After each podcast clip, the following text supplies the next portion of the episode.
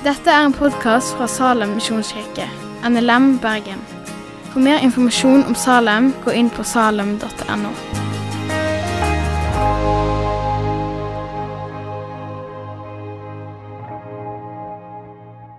Eh, og så nærmer oss slutten på taleserien om Galaterbrevet, som har gått siden midten av september. Så i kveld så skal, eh, og neste lørdag da skal vel Tor Håvik tale og ta de to siste bolkene av temaet om Galaterbrevet. Så oss skal eh, lande midt i, eh, midt, i, ja, midt i slutten av eh, kapittel 5. Så hvis du har Bibel, så oppfordrer jeg veldig til å finne den fram. Um, og så hadde jeg egentlig PowerPoint, men jeg vet ikke om den er gått i dvale eller har PMS, eller et eller annet, for den vil ikke samarbeide i dag. Så det blir ikke PowerPoint, men det kommer på skjermen bibelverset likevel.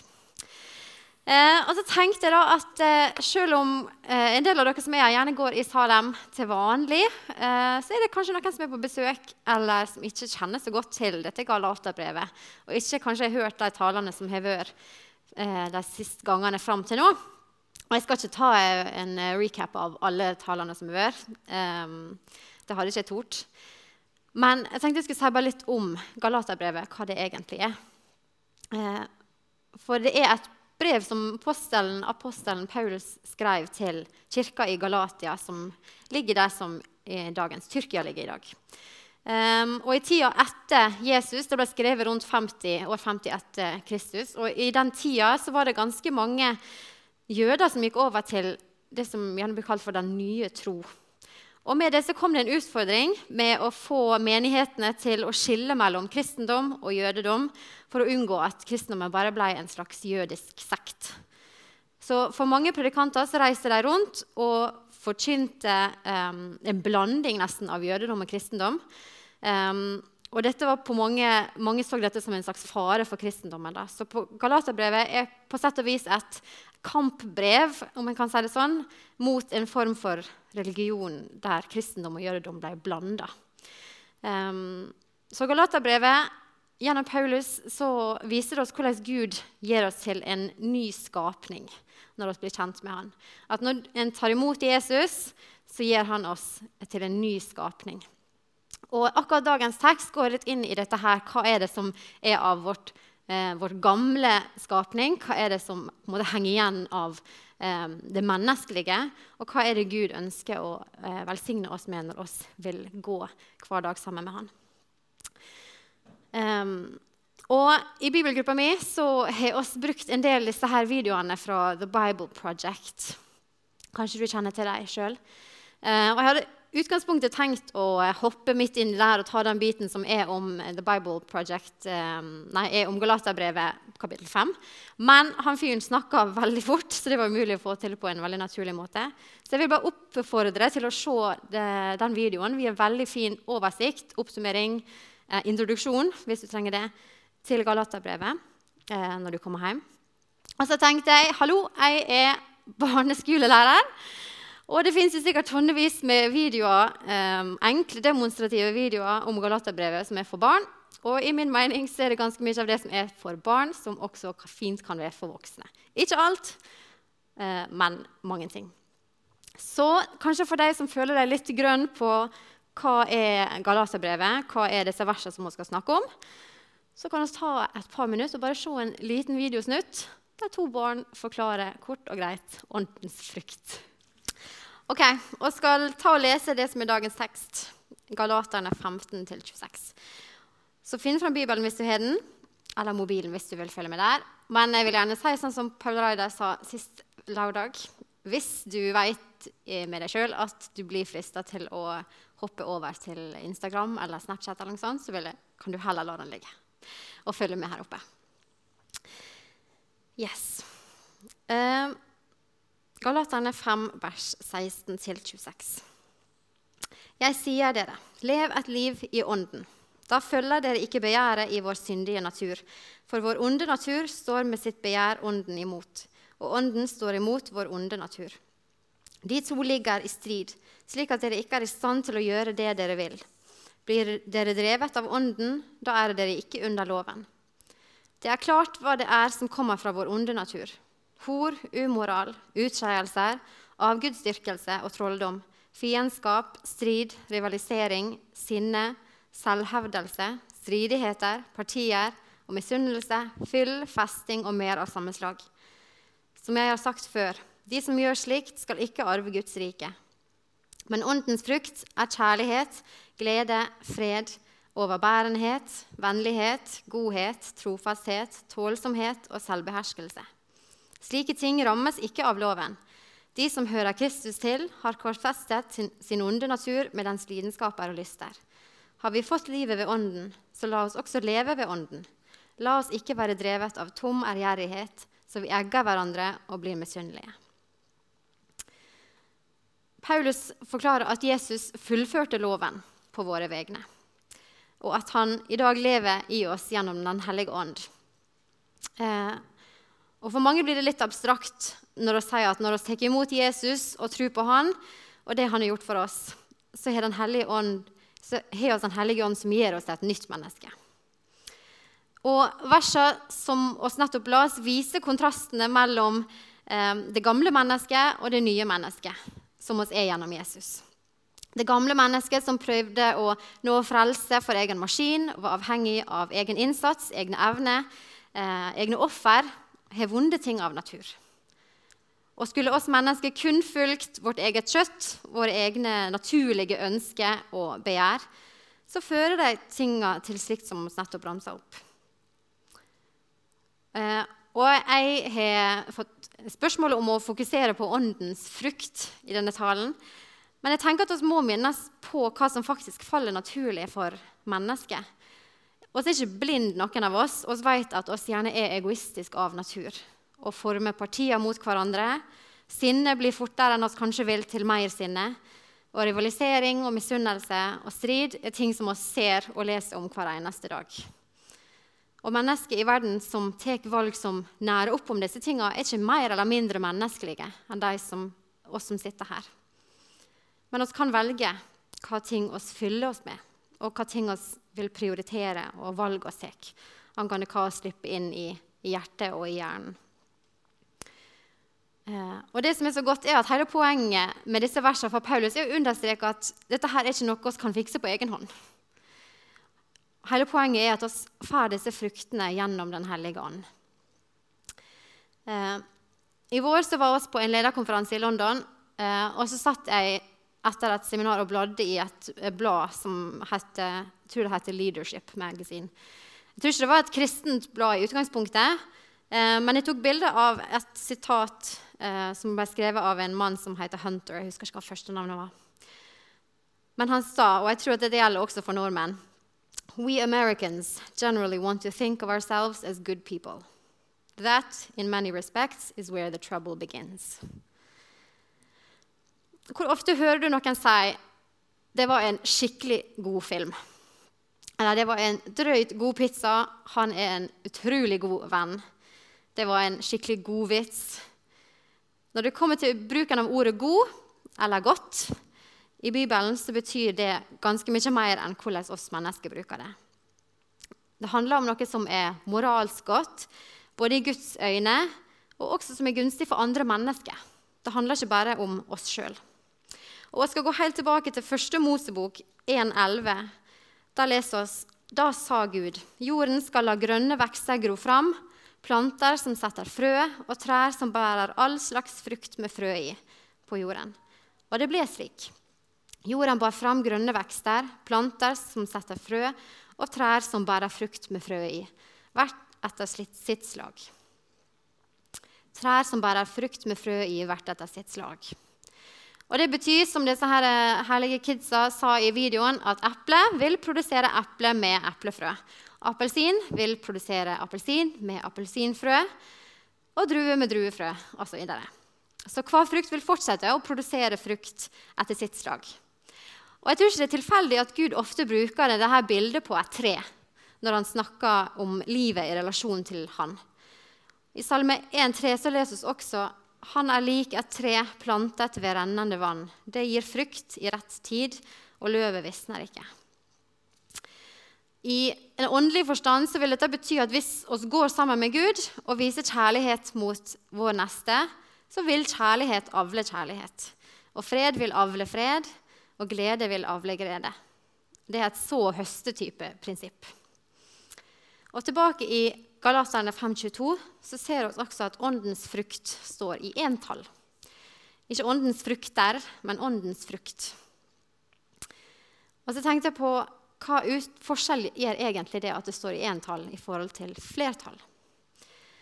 I vers 22 så definerer Paulus de ni forskjellige egenskapene til frukta. At ånden gir frukt med ni forskjellige egenskaper. Så det er på en måte en frukt med ni forskjellige smaker, om du vil. Som igjen fører til enhet. De tingene som vi la som først, de lastene som fører med eh, gamle, vår gamle skapning, fører til splittelse, det fører til uro, mens ånden frukt fører til enhet. Så det gir en stor forskjell. Hvis du leser frukt som entall, så kan vi begynne med den første. Åndens frukt er kjærlighet. Og det er mye fokus på kjærlighet for tida. Og forskjellen tenker jeg på den kjærlighet som oss mennesker erfarer, og den kjærlighet som Gud snakker om, det er at Gud har ikke kjærlighet. Gud er kjærlighet. Gud er hele kilden til kjærlighet. Og når mennesket holder seg tett til Gud, så smitter denne kjærligheten slik at den kjærligheten flommer ut over oss og gjør oss i stand til å elske mennesker uansett bakgrunn. Og jeg tror det er en type kjærlighet som verden ikke egentlig forstår, men som oss likevel trenger sårt, uten at vi kanskje vet det. Så Den første er kjærlighet, den andre er glede.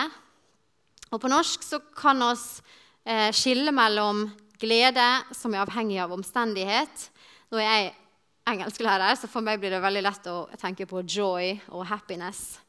Um, for i Bibelen så snakker de om joy, uh, hvordan det skiller seg fra happiness. At På norsk så har vi på en måte bare glede. Men glede som, som er avhengig av omstendighetene. Sant? At du har en ganske flyktig, midlertidig glede som kan falle til grus ganske fort. Mens Gud, da snakker du om joy, en glede som stikker dypere enn bare omstendighetene rundt deg. Um, den er ikke bare her og nå, den er ikke flyktig. Den kan ikke falle til grus i neste sekund. Den stikker dypere. Og er på en måte forankra i en, en, en, visshet om at, om at Gud elsker en, og Gud har, har frelst en, uansett hvordan hverdagen er, og hvordan omstendighetene er. Og jeg tror den går ganske kjapt over i nummer tre, som er fred. Og oss vil alle være avhengig av Guds fred når vi går gjennom stormer i livet.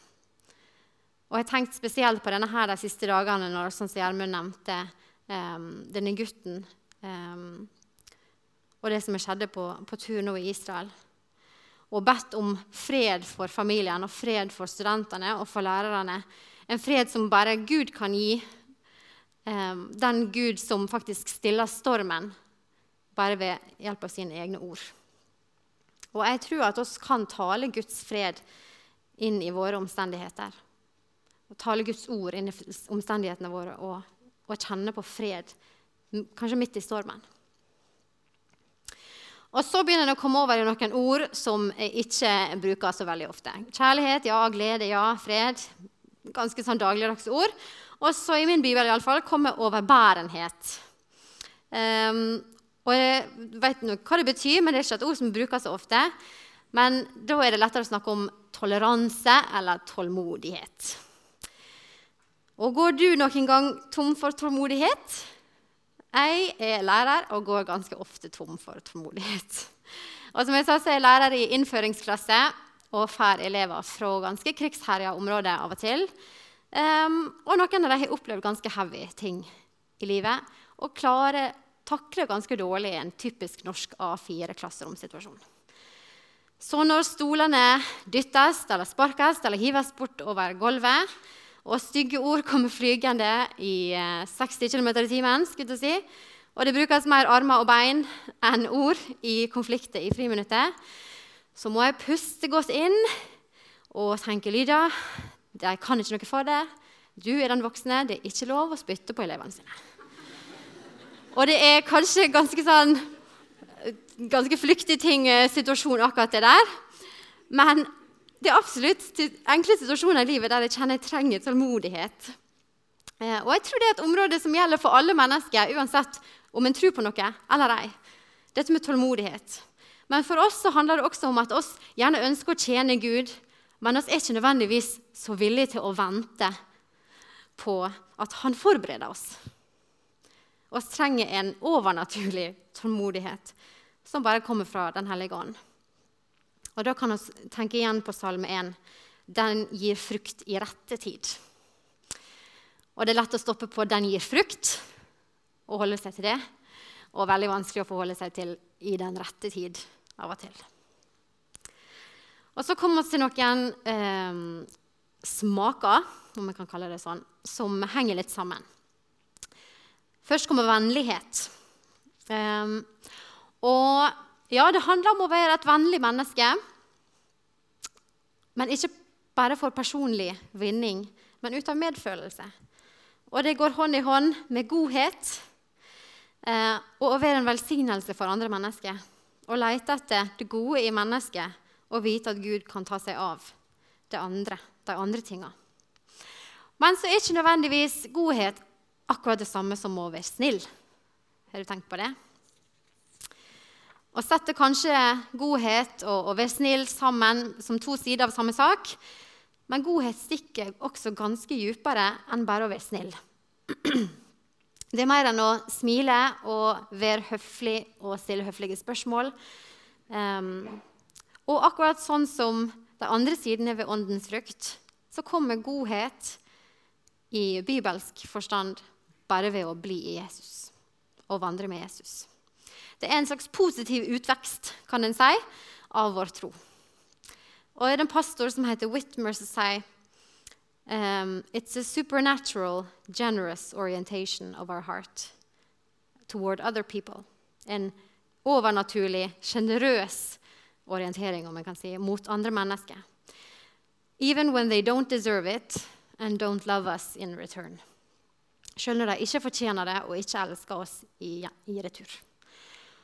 Og jeg tror ganske mange kristne i, i, verden i dag kjenner på at det er mennesker som eh, ikke fortjener det, og som ikke elsker oss i retur.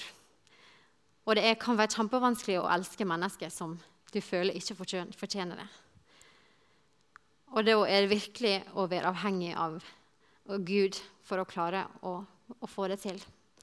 Um, så det er noen av disse jeg tror er ganske mye vanskeligere enn de andre. Uh, og trofasthet er den neste. Og da tenker en kanskje trofasthet i relasjoner, i ekteskap eller forhold eller vennskap. Og det er det. Men det er også trofasthet i den form at du kan stoles på. Du kan regnes med. Det betyr at du gjør det du skal. Blir du eh, deg en oppgave, så handler trofasthet også om at du fullfører den, sånn som du har sagt. At du er trofast også mot det som en leser i Bibelen, som Gud holder opp som viktige verdier i livet. Hvis ikke blir det fort en plukk og miks-type bibel. Og Den neste i min bibel heter da tålsomhet. Um, og så sto det her også eh, saktmodighet og ydmykhet.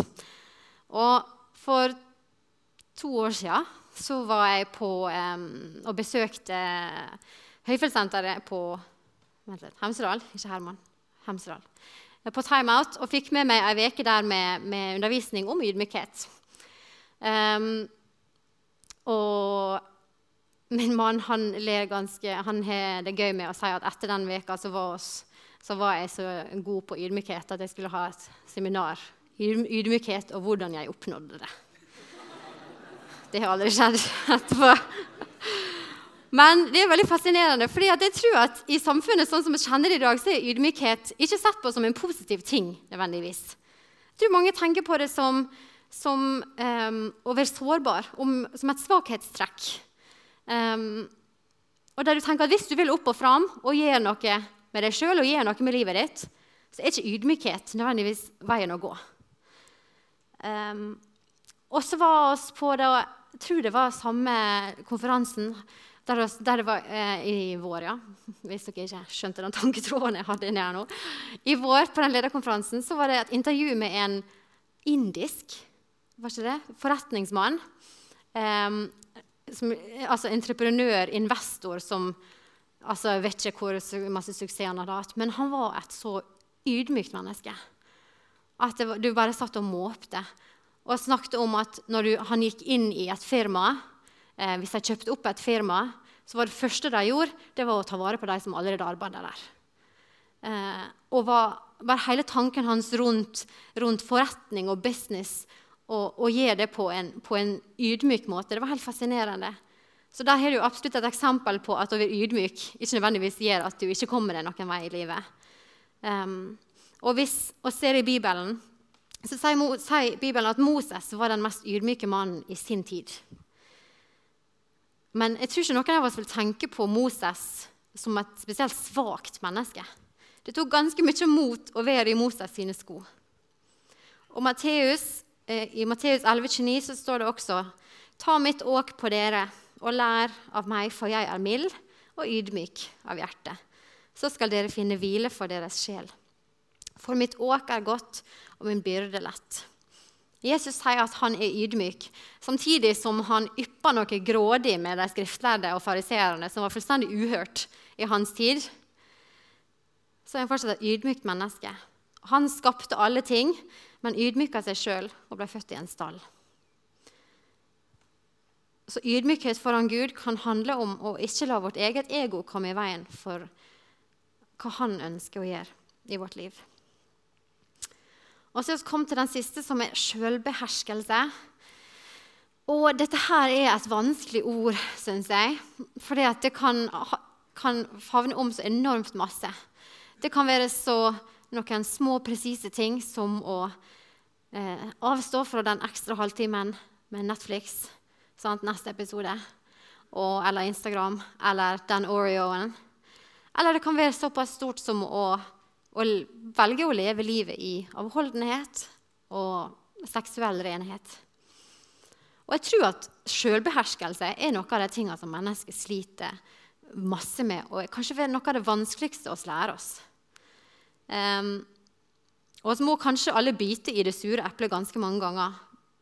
Fordi at vi har alle problemer med å kontrollere tunga vår og beherske sinnet og ikke minst handlingene våre. Så hvis du ser da på alle denne enormt korte, korte, tankene om åndens frukt, så er ikke den eneste av disse tingene her som vi ikke trenger hjelp med å faktisk klare. Um, å vandre med Den hellige ånd krever at oss Det krever den som ønsker å lede, og en truende som faktisk er villig til å bli leda. For Den hellige ånd er alltid i front og leder og forbereder veien for oss. Um, og jeg har lyst til å lese et scenario til slutt. Som betyr at jeg er nesten halvveis. Um, så prøv å henge med på et fullstendig urealistisk bilde. Uh, for å prøve å demonstrere litt mer dette med Den hellige ånd. La oss si at jeg hadde en venn som heter Vigdis. Og Vigdis hun var en autorisert pilot. La oss si at jeg var ti år og jeg ba Vigdis om å få bli med opp i flyet og sitte i cockpiten. Og Vigdis var min instruktør. Og la oss si at Vigdis da gikk med på dette her, at jeg skulle fly, og Vigdis skulle hjelpe meg hvis jeg trengte det. Vigdis skulle være min medpilot, min styrmann. Og jeg har jo flyvehåndboka mi, kan til og med dele den utenat, så det, jeg føler at hennes nærvær er egentlig ikke så veldig nødvendig. Men du vet, folk blir nervøse når de ser tiåringer fly alene, så jeg tenkte at det var greit om hun var med. Om enn bare for syns skyld. Så jeg tar kontroll i joysticken, fyrer opp motorene og får flyet opp i lufta i god stil. Og svever som ørner, mennesker ser ut som små prikker, bilene ser ut som små leketøy. Men jeg er ti år, og som alle tiåringer så blir sjøl det å fly et fly ganske kjedelig. Så jeg bestemmer meg for å gå litt fortere. Og Vigdis anbefaler meg å fortsette i samme fart. Så jeg hører på henne en liten stund. Men så finner jeg ut at jeg vil ta et raskt sånn stup som de gjør i actionfilmer. Sånn tail et eller annet. Eh, fange halen. Og Vigdis advarer om at da kan det være at vingene eh, knekker av hvis du gjør det. Så jeg vil Ja, det er greit. Eh, men så vil jeg se hvor høyt vi kan komme. Det er jo et fly. Jeg må jo teste hvor høyt kan oss gå. Men Vigdis advarer om at vi kan svime av av mangel på eh, oksygen. Og så har jeg lyst til å ta en loop. Men Vigdis sier du er ikke klar for det ennå, og det er ikke jeg heller. Og jeg svinger mot øst, og Vigdis sier at det er en storm på vei fra øst. Og på dette tidspunktet så lurer jeg på hvordan i alle dager vet Vigdis alt dette her. Så begynner jeg å tvile litt på brukerhåndboka mi, for den har ikke nevnt noen av disse tingene her. Så jeg tar fram boka, Bibelen, og leter gjennom for å se om jeg har gått glipp av noe. Den første sida sier i begynnelsen ønsket mennesket å fly. Den forteller om en mann, Gud, fra et annet land som fant på en plan om at hvem som helst som ønska å fly, kunne fly og sveve som ei ørn. Skulle få muligheten til det. Og Gud sendte planen videre til en annen mann, Jesus, som gikk med på å arbeide videre med denne planen. Den andre mannen dedikerte hele livet til denne planen helt til han gikk av med pensjon. Og Boka sier at denne mannen skal komme tilbake fra pensjon en gang, men inntil den dagen kommer, så trenger oss en styrmann, en co-pilot, når vi flyr. Og så har jeg merka noe om denne håndboka. Den legger gjerne mer vekt på å ha en annen person med seg når en flyr, enn de faktiske instruksene om hvordan vi flyr på egen hånd. Den har mange regler og reguleringer, men den sier at å ha med oss den sier oss trenger å ha med oss noen gjennom alle stormene og uforutsigbarhetene som vi møter på veien. Um, det er en som elsker å fly, og en som elsker meg nok til å lede meg vekk fra stormen og inn i åpen himmel. For å fly kan handle om liv og død. Så det må være noen som hjelper meg og kan lære meg å være ydmyk og lytte til råd, heller enn å gå fram på egen hånd og gjøre forferdelige feil. I Galaterne 2,20 så lærer oss at oss ble korsfesta med Jesus. Og jeg syns det er fantastisk når en legger merke til at korsfesta står i fortid. Når Jesus døde, så døde oss. Og nå har han reist oss opp som et nytt menneske. Og Det siste verset i dagens tekst går slik.: La oss ikke være drevet av tom ærgjerrighet, så vi egger hverandre og blir misunnelige. Du kan tenke at kan, kunne ikke han bare stoppa med de åndelige fruktene? Det var, hadde vært like greit. Um, litt eh, bummer, den avslutninga med det verset der. Men for at frukta skal kunne vokse, så trenger den riktig klima. Og det samme gjelder åndens frukt. Så ikke la stolthet blande seg inn i din vei eller gi etter for misunnelse. Ikke skap problemer i fellesskapet med sladder og unødvendig prat. Men husk at frukt til sjuende og sist er produsert for å bli spist. Ikke for å stille din sult, men den sult som verden rundt oss trenger. Og den sult som verden rundt oss trenger så sårt. Kjærlighet, glede, hopper jeg ut her. Kjærlighet, glede, fred, tålmodighet, vennlighet, godhet, trofasthet, ydmykhet, selvbeherskelse.